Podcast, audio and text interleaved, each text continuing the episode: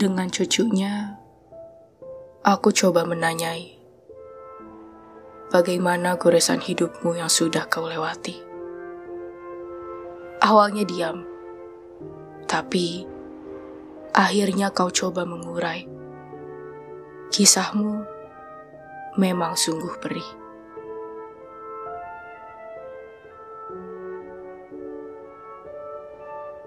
Rupanya kau telah banyak belajar.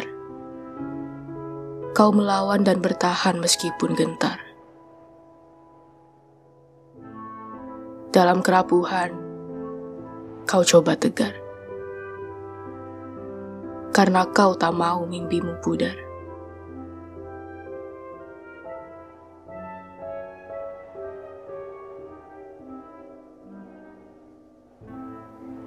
Tuhan hadir dalam reruntuhan hidup.